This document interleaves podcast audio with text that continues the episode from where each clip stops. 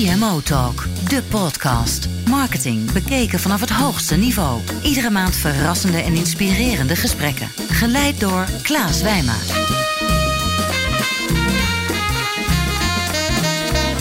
Welkom bij CMO Talk. Mijn naam is Klaas Wijma van Energize en ik heb vandaag een hele bijzondere gast. Dat is Ruud Hendricks. Ruud is medeoprichter van Startup Bootcamp, InnoLeaps en het Talent Instituut. Ruud, van harte welkom. Dankjewel.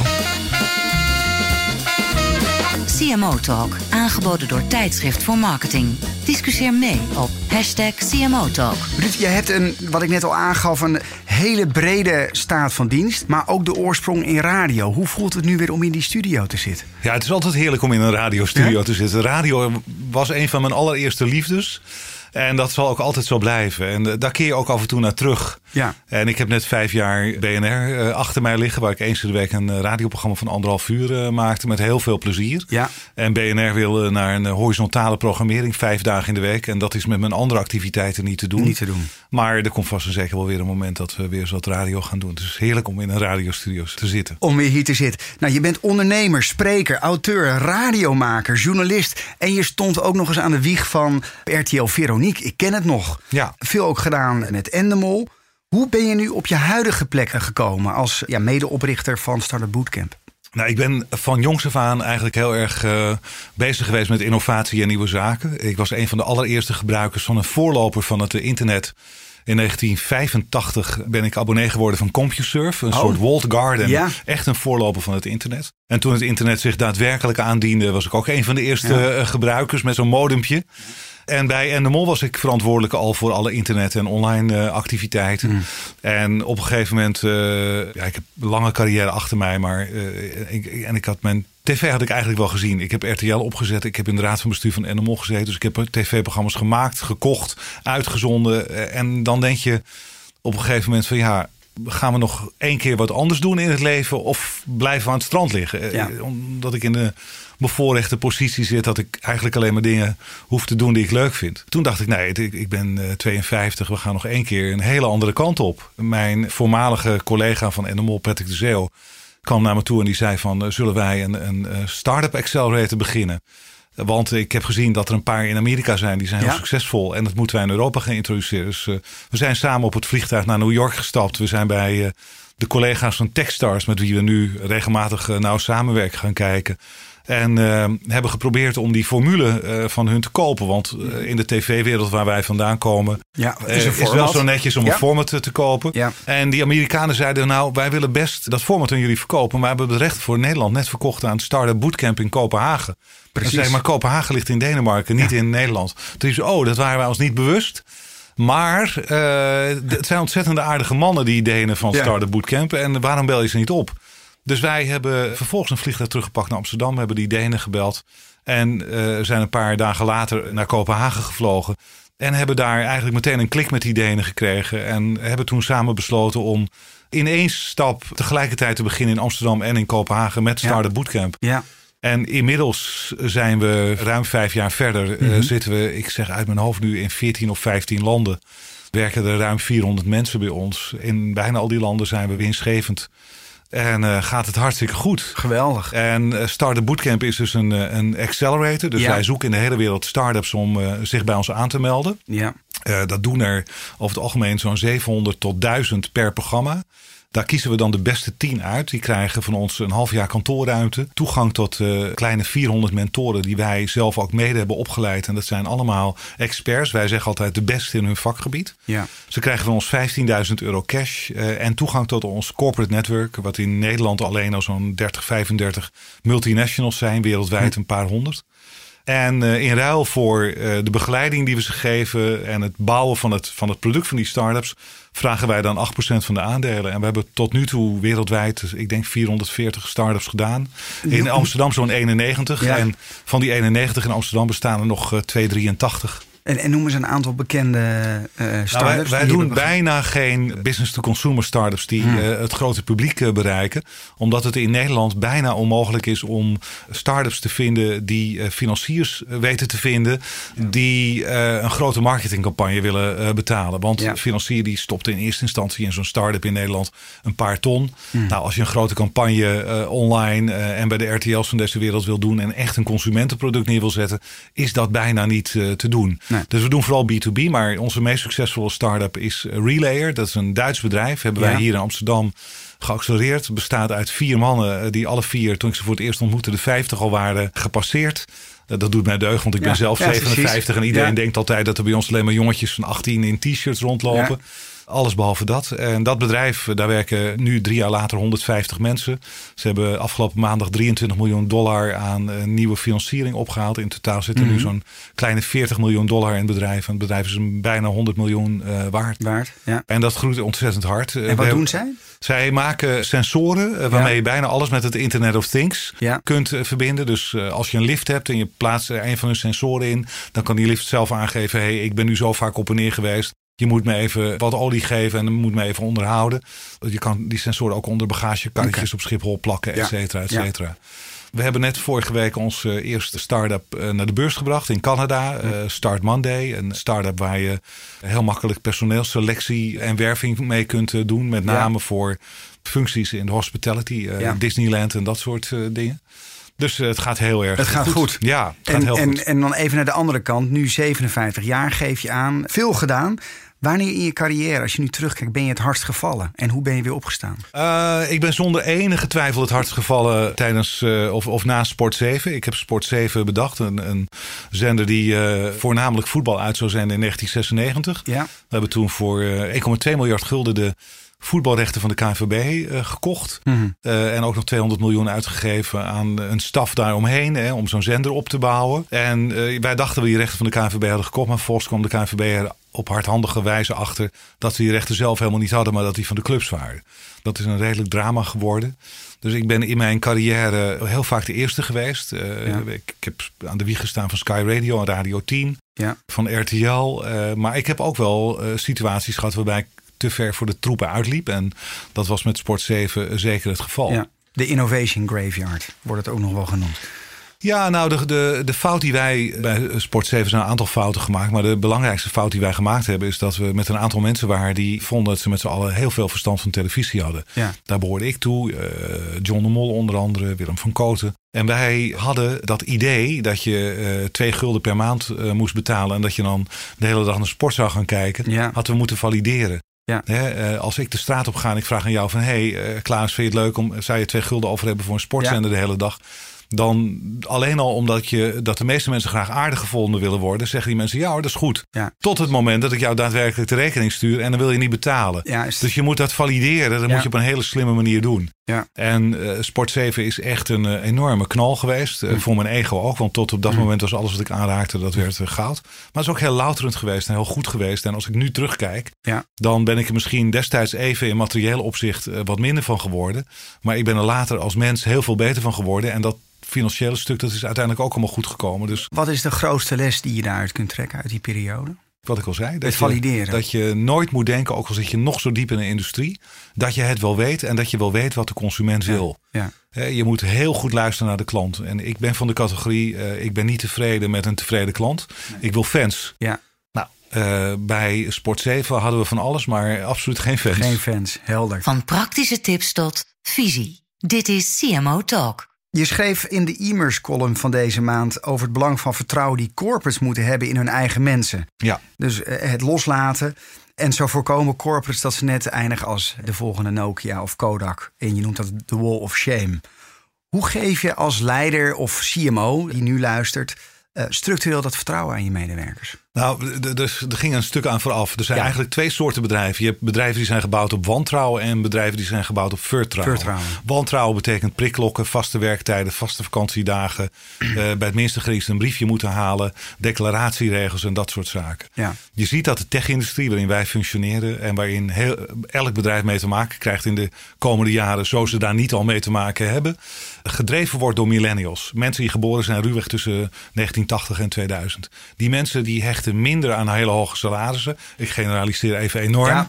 Eh, maar meer aan vertrouwen. Dus bij ons in het bedrijf kan je komen en gaan wanneer je wil. Je kan op vakantie zoveel je wil. Je kan je collega's een bonus geven zonder overleg met ons. We hebben heel nadrukkelijk geen declaratiereglement. En we zeggen gewoon tegen mensen: als jij wat wilt declareren, doe dat alsof het jouw bedrijf was. Ja. En we zeggen er heel nadrukkelijk bij: we controleren je niet. We vertrouwen je.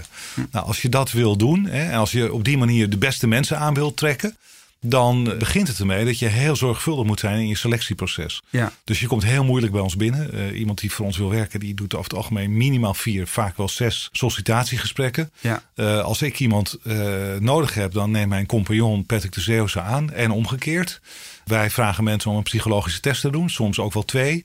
We kijken niet alleen hoe die persoon in het leven staat, maar ook hoe die test zich tot de psychologische testen van de rest van ons team verhoudt. Mm. En als ze dan binnen zijn, dan pak ik ze vast en dan loop ik letterlijk met ze door de gang. Ja. En dan zeg ik, ik wil zien aan jou als je door deze gang loopt, dat jij het gevoel uitstraalt dat jij de eigenaar bent van dit bedrijf. Dat jij mij bent, dat jij het hebt opgericht. Want die uitstraling, dat vertrouwen, ja, dat zorgt dat je klanten zich ook comfortabel voelen. Ja. Maar ik wil vooral dat die mensen heel gelukkig zijn. Wij willen geen mensen in ons bedrijf die dingen doen die ze niet leuk vinden. Dus als je bij ons binnenkomt, natuurlijk eh, 95% van het werk moet je leuk vinden. En natuurlijk zit daar 5% bij die even wat minder is. Ja. Maar als jij structureel vindt dat je elke dag dingen doet die je niet leuk vindt, dan moet je tegen ons zeggen: dan gaan we een andere functie binnen het bedrijf voor je zoeken. Of we helpen je om weg te komen. Maar als jij niet van de boekhouding houdt, dan moet je die ook niet doen. Dan, dan nemen we een goede boekhouder aan en die doet Ja. dat wel. In, in het selectieproces, je noemt een aantal onderdelen. Heb je ook een vraag die iedereen altijd stelt? Nou, ik vraag altijd wel als iemand binnenkomt: hoe ga je ons beter maken? Ja. Want ik wil beter worden van de mensen die ik aanneem. En door wie ben je zelf heel veel beter gemaakt? Ja. En ik wil ook, eh, zoals jij daarnet eh, mij vroeg naar mijn grootste blunder. Ik vraag hun ook altijd eh, in alle eerlijkheid hun grootste blunder. Ja. En dan vertel ik er meteen bij dat als ze bij ons fouten maken, dat ze niet gestraft Dat worden. het oké is. Want als je mensen niet toestaat om fouten te maken, dan eh, zullen ze ook nooit met wat nieuws komen. En dan Nee. kan je ook niet innoveren. Nee. Hè, het is niet zo dat wij het leuk vinden als mensen fouten maken. Maar we leren mensen om fouten heel snel te maken. Want als je ze snel maakt, dan hebben ze over het algemeen nog niet zoveel gekost. Als jij en ik samen een nieuw product gaan maken. En we ontwikkelen het drie jaar en we geven daar heel veel geld aan uit. En dan brengen we het op de markt. En niemand wil het hebben, is dat heel erg zonde. Maar als we dat product nou heel snel bouwen in een, soort van hè, minimal viable product, Product. En we brengen het aan het eind van deze week op de markt. Dan heeft het misschien nou, enkele duizenden euro's gekost. En als het dan niet werkt, is het helaas pindakaas. En dan is het Dus helemaal overboord. Juist. Ja. Over vertrouwen gesproken. Wat vind je van de zelfsturende teams van buurtzorg? En hoe de oprichter Jos de Blok dat vertrouwen geeft aan hun vak? Ik ken de zelfsturende teams van buurtzorg niet. Oh, niet. Eh, Dat is een omissie mijnerzijds eh, wellicht. Maar ik denk dat het heel belangrijk is dat je mensen inderdaad zelf de dingen laat doen die ze denken dat er goed is. De formule die wij gebruiken bij Startup Bootcamp, Ja. waarbij we op een bepaalde manier startups helpen, die is heilig. Dus als en wat iemand, is die formule? Het is een curriculum wat ze Mhm. doorlopen. Dus wij begeleiden die start-ups zes maanden, waarvan de eerste drie maanden echt een lesprogramma mede is. Dus ze werken ongeveer 75% aan hun product. 25% van de tijd hebben ze les. Dan leren ze Lean Startup methodologie, eh, Ja. business model canvas, nou, Ja. agile, scrum, alles wat erbij hoort. Ja. Als iemand het lumineuze idee krijgt, omdat hij toevallig in Singapore zit of in Miami zit, dat het daar heel anders moet, vind ik dat heel erg leuk. Maar dan wil ik het wel graag van tevoren weten en dan testen we het eerst. Voordat we dat zeg maar groot uitrollen. Hè, De formule, en dat is wel mijn achtergrond in de radio en in de televisiewereld, die is wel heilig. Het format is wel heilig. Ja. Als je tegen een team zegt van je moet, hè, gaat helemaal zelfstandig doen, dan is het ook belangrijk dat je de kaders aangeeft waarin die zelfstandigheid moet worden toegepast. Want an- ja, anders wordt het een zootje. Dan heb je straks eh, een radiostation met een eh, zusterbedrijf dat een droffabriek is. en dat, precies. dat is niet verstandig. zoek. We gaan naar de eerste stelling. Een stip aan de horizon of eh, de Big Harry Audacious Goal is voer voor consultants.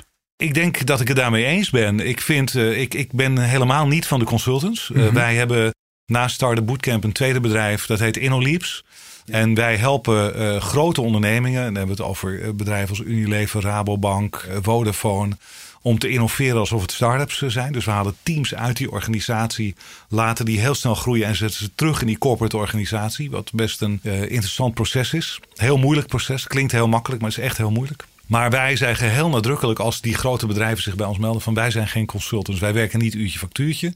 Wij hebben niet ook een visie uh, waarin we aangeven zo moet je het doen en dan moet iemand anders het maar uitvoeren. Nee, hmm. wij werken echt, wij staan echt met onze poten in de klei, om het zo maar eens te zeggen. En wij helpen die teams daadwerkelijk hands-on om een nieuw product te bouwen in zo'n grote organisatie.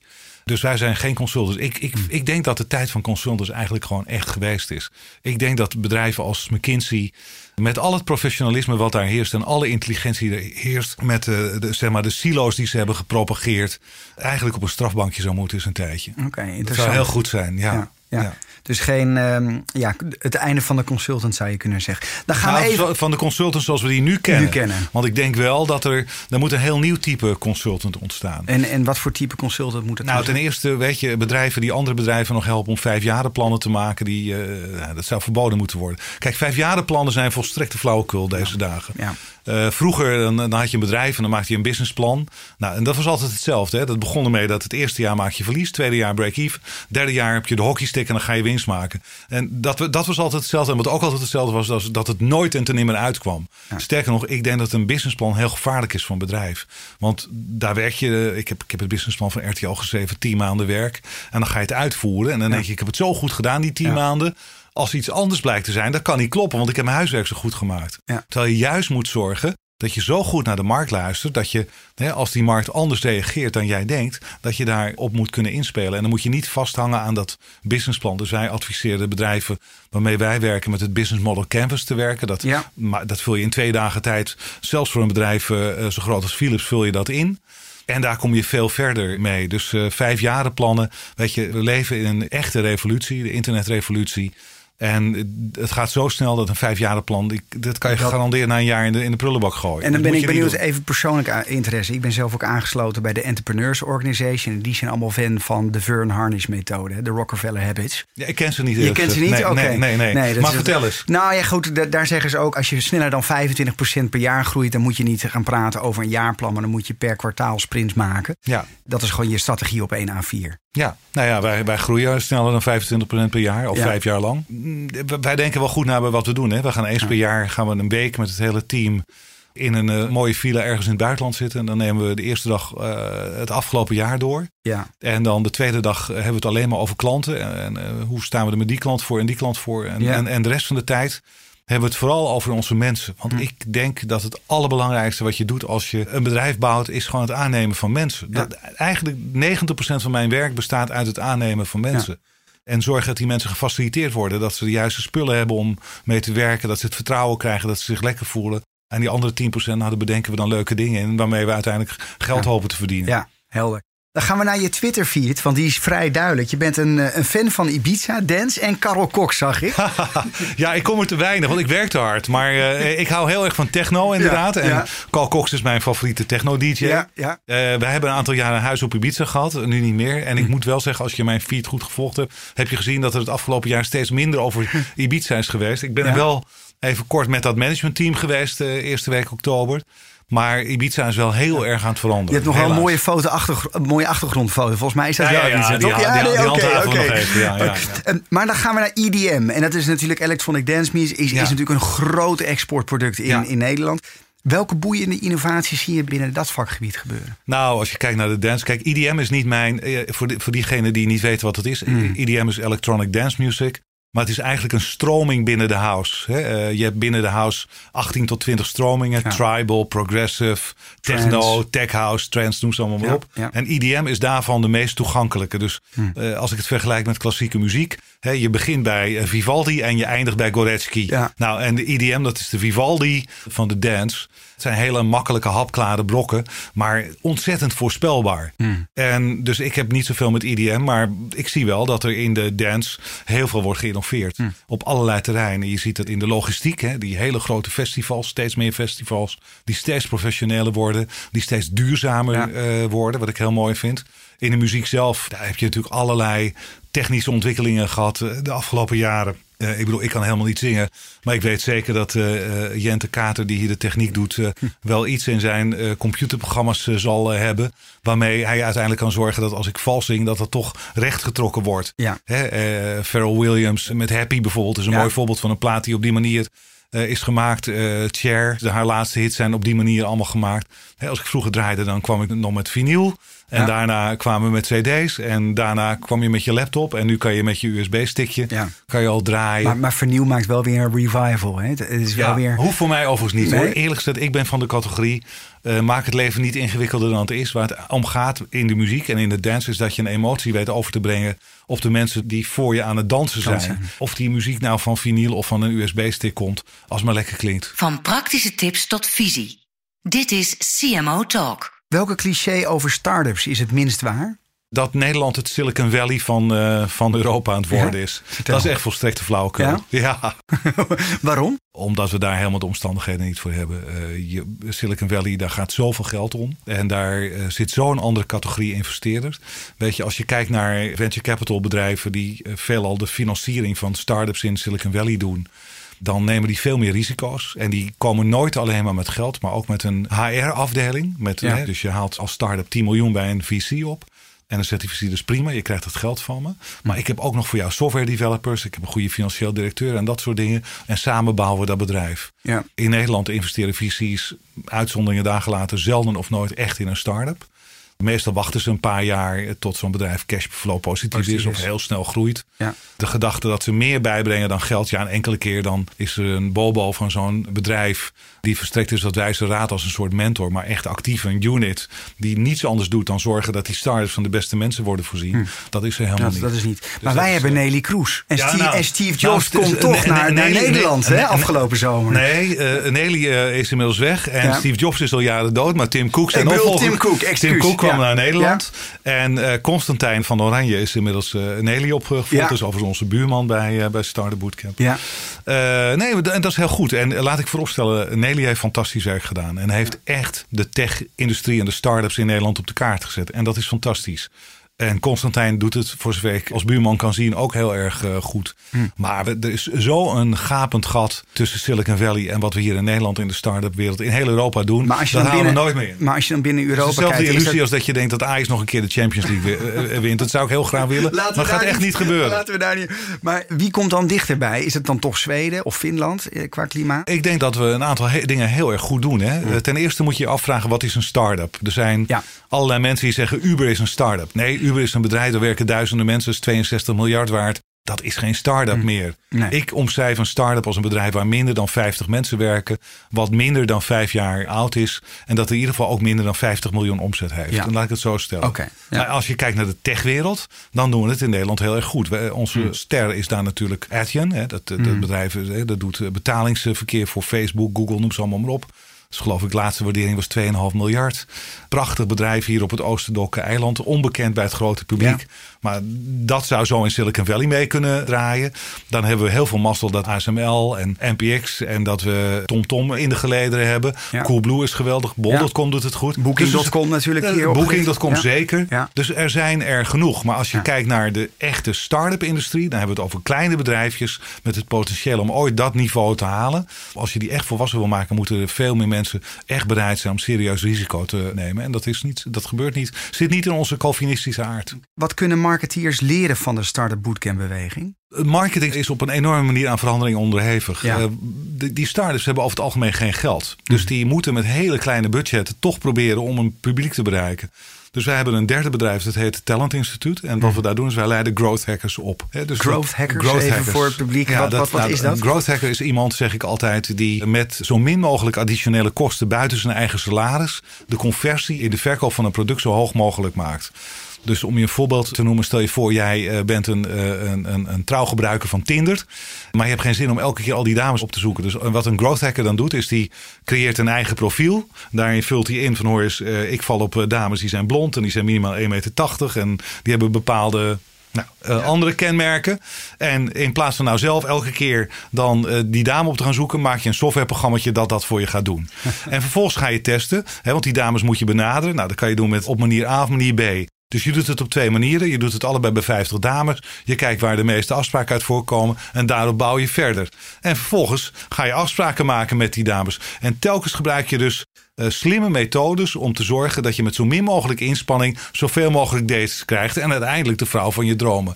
Ik omschrijf het eventjes vanuit Tinder. Want dat is wat een growth hacker doet. Ja. En daar hoort search engine optimization bij. Dat is AB testen. Maar dat is ook Ja. gewoon uh, slimme tools gebruiken en dat soort dingen. Nou, wij uh, halen bij het Talent Instituut mensen uh, van universiteit. Vooral psychologie, filosofie en uh, geschiedenisstudenten. Die bijna niet aan de bak komen als ze zijn afgestudeerd. Die geven we een hele korte opleiding. Een maand echt intensief bij ons in het bedrijf. En daarna uh, gaan ze al stage lopen en blijven ze nog een tijdje begeleiden.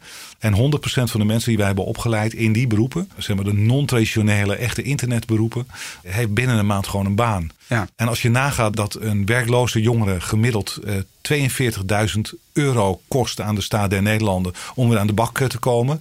Wij hebben een subsidie van 500 euro per jongere. Zijn- en ze komen er- allemaal aan de bak. Maar even terug weer naar marketing. Hè? Dus, dus, dus dat is een hele andere manier van marketing. Hè? Als je die, Veel meer agile, veel meer lean, eh, veel en- meer en- uitgeven. En helemaal online-based en f- heel erg data gedreven. Ja. Dus waar in het verleden marketeer alleen maar keek naar bereik. En ik ga op een bepaald tijdstip op Radio 538 of op RTL 4 zitten. Mhm. Ja. En dan komt het wel goed. Ja. Wil je tegenwoordig, we leven in een datagedreven economie. Dus je wil alles weten, je wil alles analyseren. Alles meten. Als je praat met Pieter Zwart van Coolblue. Ja, die komt hier binnenkort ook Ja, trouwens. Hij nou heeft ja, vraag het hem maar. Die Ja. doet niets anders dan de hele dag Nee. data analyseren. Ja, ja, ja. Op welk moment bestelt iemand eh, het meest? En Dashboard. wat kan je hem nog meer aanbieden? En dat is veel meer marketing dan de oude tijd waarin je eh, wat advertenties in de krant en wat in de tijdschrift Of en op wat de op tv radio, of op de radio. radio. Tijd is echt geweest.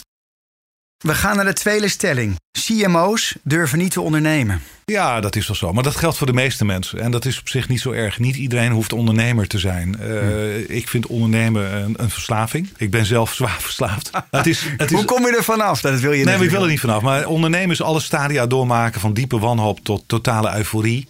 Dat is niet voor iedereen weggelegd. Er zijn ook mensen gelukkig die een wat stabieler bestaan willen leiden. Ja. Die ook eens een keer gewoon vrijdagavond thuis willen zijn. Zonder eh, nog even met een klant op pad eh, te zijn. Ik, ik vind helemaal niet dat iedereen ondernemer hoeft te zijn. Maar ik vind wel dat mensen ondernemend moeten zijn. Ondernemend in het leven moeten staan. Dat je af en toe eh, moet proberen om wat risico te nemen. Om iets nieuws te proberen. En, werkt, en altijd klein. Hè? Dus werkt het. Nou, dan, dan ga je erop door. Werkt het niet. Dan laat je het vallen. Eigenlijk hè, datzelfde growth hacken. Ja. Waar we het eerder eh, over hadden.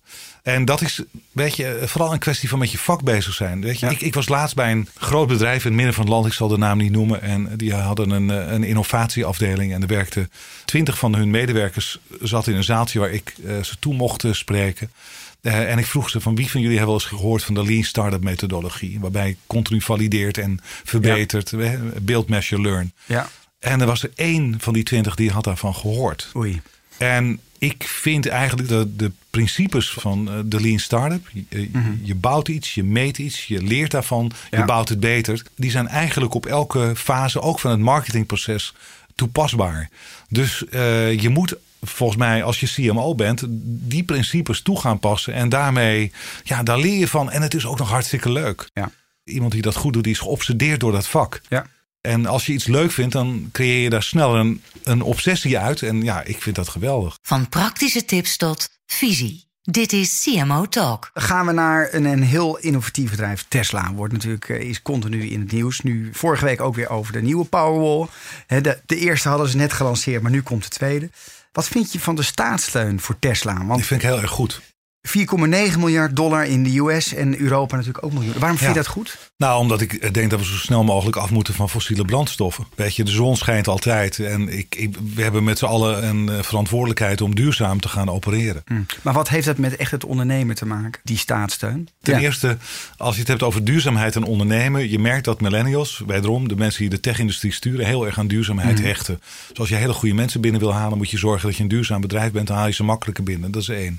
Ten tweede, er zijn nou eenmaal takken van sport die dusdanig kostbaar zijn dat die Ja. voor een privébedrijf heel erg moeilijk zonder eh, staatssteun te realiseren zijn. Wij hebben met onze bedrijven nog nooit een euro echte subsidie gekregen. Mhm. Los van wat ik net vertelde over die eh, talenten. 500 euro per talent per maand. Gaat helemaal nergens over. Ja. Maar ik denk dat als je het hebt over uh, het redden van de mensheid door een kolonie op Mars te beginnen, of door echt te zorgen dat, er, dat je over dat tipping point heen komt, dat het normaal wordt dat je een elektrisch aangedreven auto op straat ziet, daar mag je dan best eventjes een, een duwtje geven. Moet natuurlijk niet tot in de eeuwigheid uh, duren. Maar als je toch kijkt, in Nederland, ik geloof dat er alleen in Noorwegen meer Tesla's rondrijden dan in Nederland. Als je hier in Amsterdam kijkt, hoeveel je er ziet, het begint normaal te worden. Ik kan er bijna niet meer kwijt op een elektrische plek. Het ja, maar het is toch fantastisch? Ja, nee, dat is... En, het is nog mooi, een mooie auto ook, dus ik vind dat alleen maar geweldig. Je rijdt hem zelf ook? Nee, nee, nee, nee, nee, Ik rijd op een 70 jaar oude fiets. Oh, geweldig. Van Bijlen mijn moeder. En nou, dat, is ook, duurzaam. Dat is ook duurzaam. Dat is ook duurzaam. Um, ik ben wel bezig over nu een auto te kopen en okay. hij staat wel... Hij staat op het lijstje. Ik kan hem aanraden. Meer diversiteit en vrouwvriendelijkheid in start-ups uh, is, is hard nodig. Maar hoe krijgen we dat nou in Nederland voor elkaar? Het is niet alleen bij startups hard nodig, het is in de hele maatschappij hard nodig. Wij vertellen die startups van Noors, eh, bedrijven die uh, divers georganiseerd hmm. zijn, die doen het gewoon beter dan bedrijven die alleen door mannen of alleen door vrouwen worden geleid. We waren met het managementteam op Ibiza ja. een maandje geleden en maakten een foto daar. En stonden negen mannen. Ja, dat zijn gewoon kerels. Ja, precies. Ja, maar we, we, zijn nu twee vrouwen aan het aannemen. Echt op het hoogste niveau. Die, mm. dat, gaat, die, die, dat gaat zo goed als zeker door. Dus volgend jaar moet dat echt anders zijn. Het is gewoon puur eigenbelang. Je, je, al, al hou je helemaal niet van vrouwen. Of, maar diversiteit in een bedrijf zorgt gewoon dat je beter omzet scoort en, en meer winst maakt. Hoe komt dat nou? Want je hebt op hoge posities gezeten dat die boardrooms nog steeds nou, ik, ik, denk dat dat voor een deel komt door het traditionele rollenmodel. Mm. Uh, bedoel, uh, zeker als je een bedrijf bouwt, en wij zijn alleen maar een bedrijf aan het bouwen, dat doe je niet van 9 tot 5, 5 dagen in de week. Nee. Als je daar ook nog een normaal sociaal leven bij wil hebben, nou, dan moet je hele goede afspraken maken of dan moet je hulp hebben. En vrouwen hebben toch een, veelal een zorgzamer karakter dan mannen. Dus die kiezen misschien eerder voor dat gezin dan mannen. Ja. Mannen kiezen misschien traditioneel wat meer en wat sneller voor het bedrijf. Ja. Maar ik zie dat het bij ons ook heel erg veel uitmaakt in welke sector je opereert. Wij doen bijvoorbeeld uh, e-commerce startups. Nou, dan zie je nu denk ik 40, 45 procent vrouwen. Maar als wij uh, Smart City doen, wat vooral heel erg technische dingen zijn, dan zie je meteen dat het 75, 80 procent mannen is. Vind ik jammer, maar ik heb wel het gevoel dat dat in de loop der tijden aan het uh, veranderen. Hoe vaker we het op de agenda zetten, misschien over een paar jaar. Je bent panellid in de Groei Challenge. Ja. Ja, dat richt zich op het begeleiden van succesvolle ondernemers met lef. Ja, het is een uh, tv-programma op RTL Z. Ja. Acht afleveringen zijn nu zeven opgenomen, twee uitgezonden. Ja, ja dat is uh, superleuk. En hoe herken je een ondernemer met lef? Ja, door hem diep in zijn ogen te kijken. Weet je, uh, je wil het heilige vuur in iemands ogen zien. Hmm. Je zoekt mensen die deze tafel op willen eten om het beste bedrijf van de wereld te bouwen. En dat zie, dat, wij zien dat, dat we soms bedrijven hebben die bereid zijn vanuit Australië en Canada naar Amsterdam te komen om hier verder te groeien. Dat zegt iets over je instelling. Maar je kan het ook gewoon meten. In een psychologische test kan je gewoon meten wat iemands drive is. Hmm. En voor alle duidelijkheid, als je een bedrijf gaat bouwen, is alleen drive is niet genoeg. Hè?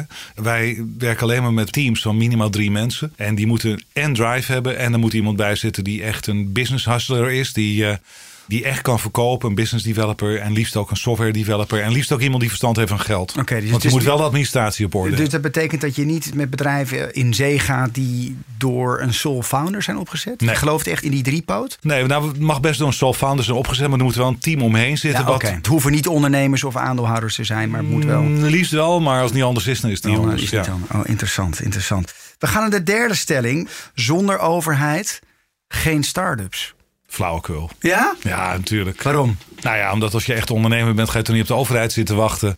Nee, maar de infrastructuur. De overheid heeft pas de laatste jaren wat aandacht voor start-ups. En ik moet zeggen, ze hebben met name als het gaat om start-up visa mhm. en dergelijke de zaak heel erg verbeterd. Eh, je kan nu een bedrijf oprichten voor 1 euro. Wat vroeger hè, moest je minimaal 18.000 euro meenemen of 18.000 gulden meenemen. KVK-tarieven zijn naar beneden. Uh, ook allemaal uh, prima. Dus ondernemen is veel makkelijker geworden. En dat komt een heel klein beetje door de overheid. Maar dat komt vooral door het internet. Omdat je heel veel tools hè, uh, gratis kunt gebruiken. Als het is nog nooit zo makkelijk geweest om een nieuw bedrijf te beginnen. Ja. Dat is heel vervelend als je een bestaande ondernemer bent, want je krijgt meer concurrentie. Weet je, laten we niet vergeten, bedrijven als Google, uh, YouTube, wat onderdeel is van Google, maar ook WhatsApp van Facebook. Ik bedoel, het zijn allemaal bedrijven die zijn minder dan 20 jaar oud. Google is in 1996 begonnen. Sowieso, 96, 97 was een ongelooflijk vruchtbare periode. Nou, overigens, nou, overigens 300, wat had ik, wat ik had gehoord, 363 keer hebben de oprichters moeten pitchen voor ze kapitaal kregen. Ja. ja. ik heb denk ik ook wel 70 keer bij mensen gepitcht om RTL van de grond te krijgen in Nederland. omdat niemand zich kon voorstellen dat er ruimte was voor een vierde tv-zender, want we hadden er al drie. En weer doorgaan. Dus ja, maar... Dus, maar zonder overheid? Nee, maar dat kan heel goed zonder overheid. Sterker nog, de overheid is eerder een belemmering dan een stimulator. En ik weet wel dat ik daarmee mensen op hun ziel trap. En ik weet dat het veel beter is geworden. Maar een echte ondernemer gaat natuurlijk niet op de overheid zitten wachten. Ben je gek? En bovendien is de overheid gewoon een ronduit onbetrouwbare partner. Als je afhankelijk bent van subsidies en er komt een nieuw eh, kabinet of een nieuw college van BMW. Na vier jaar uh, gooi je dit over een andere boeg en dan kan je het weer schudden. Je hebt veel meegemaakt, Ruud, in je, in je carrière en in je leven. En even toch nog een koppeling naar de politiek, hè, de actuele politiek. Uh, ik zou niet te veel over Donald Trump beginnen, want dinsdag weten we het. Uh, maar Obama zei laatst dat hij door die, al die jaren eigenlijk beyond fear is geraakt. Hij is niet meer bang. Hoe zit het met jou? Ben jij nog ergens bang voor? Nou, nee, niet, uh, niet, niet persoonlijk. Nee? Nee, nee ik hoop. ik heb een geweldige vrouw. Ik heb kinderen. Ik hoop dat iedereen gezond blijft. Ik gun iedereen het beste. Als je het hebt over politiek. Uh, tuurlijk vind ik het zorgwekkend dat wellicht uh, Donald Trump president van de Verenigde ja. Staten kan worden. Ik vind ja. het een vreselijke man. Maar ik moet in alle eerlijkheid zeggen dat Hillary Clinton mij ook diep teleurgesteld ja. heeft. Die heeft ook wel een paar hele domme dingen gedaan. Ik ben zelf wel heel erg politiek betrokken. Ben ook lid van een politieke partij. Ben niet politiek actief. Denk ook niet dat ik daar geschikt voor ben. te ongeduldig. Te ongeduldig. Laat maar aan. Maar ja. ik ben wel betrokken bij wat er in de wereld uh, gebeurt. Ja. ja. en ik denk ook dat je alleen maar goed kan ondernemen als je betrokken bent bij wat er in de wereld gebeurt. Je hebt veel interviews al gegeven, Ruud. Uh, dit is uh, nou nummer, ik weet niet hoeveel. Maar wat weet niemand nog van jou? Welke vraag heeft nog niemand jou gesteld? Nou, wat nog niemand mij gevraagd heeft, is wat de meest bijzondere plek is waar ik ooit gewerkt heb. Nou, vertel. wat is de meest bijzondere plek waar je ooit hebt gewerkt? Nou, ik, ik ben natuurlijk mijn carrière begonnen als DJ bij, bij zeezenders. En dat is op zich al. Er zijn niet zoveel mensen die platen ja. draaien op zee. Je zag het piratenschip van Veronica zag je binnenkomen. Toch? Ja, maar ik heb daarna zelf bij Radio Caroline en Miamigo gewerkt. Maar de meest bijzondere plek waar ik ooit gewerkt heb, is toch wel in een bordeel. Oh, echt? Ik heb uh, een maand of vier, vijf platen gedraaid in uh, een bordeel met de gedenkwaardige titel De Grote Vrijheid. op de oude Kolk in Amsterdam. En het bijzondere van het bordeel was, was dat er geen aparte kamers waren waar het allemaal gebeurde, maar één grote open ruimte. dus ik, was, ik zat op de school van journalistiek, geloof ik 17 jaar oud was daar zag ik dat uh, allemaal uh, voor mijn ogen uh, gebeuren. Dat daar heb je de waarde transparantie mee gekregen. Absoluut. Ja, oké. Okay. Ruud, we zijn aan het einde gekomen van het interview. Ik wil je ontzettend bedanken voor je medewerking. Ook Jente, die weer bij de techniek ziet van Voicebooking. Weer bedankt voor de techniek. En zijn jullie geïnspireerd geraakt? Kijk dan voor meer interviews op cmotalk.nl. heb je vragen? Stel ze aan mij, klaas.energize.nl via de hashtag CMO Talk. En tot de volgende keer. Dank voor het luisteren naar de CMO Talk podcast. Ga voor meer afleveringen naar cmotalk.nl. CMO Talk wordt aangeboden door Tijdschrift voor Marketing en is ontwikkeld door Energize en voicebooking.com.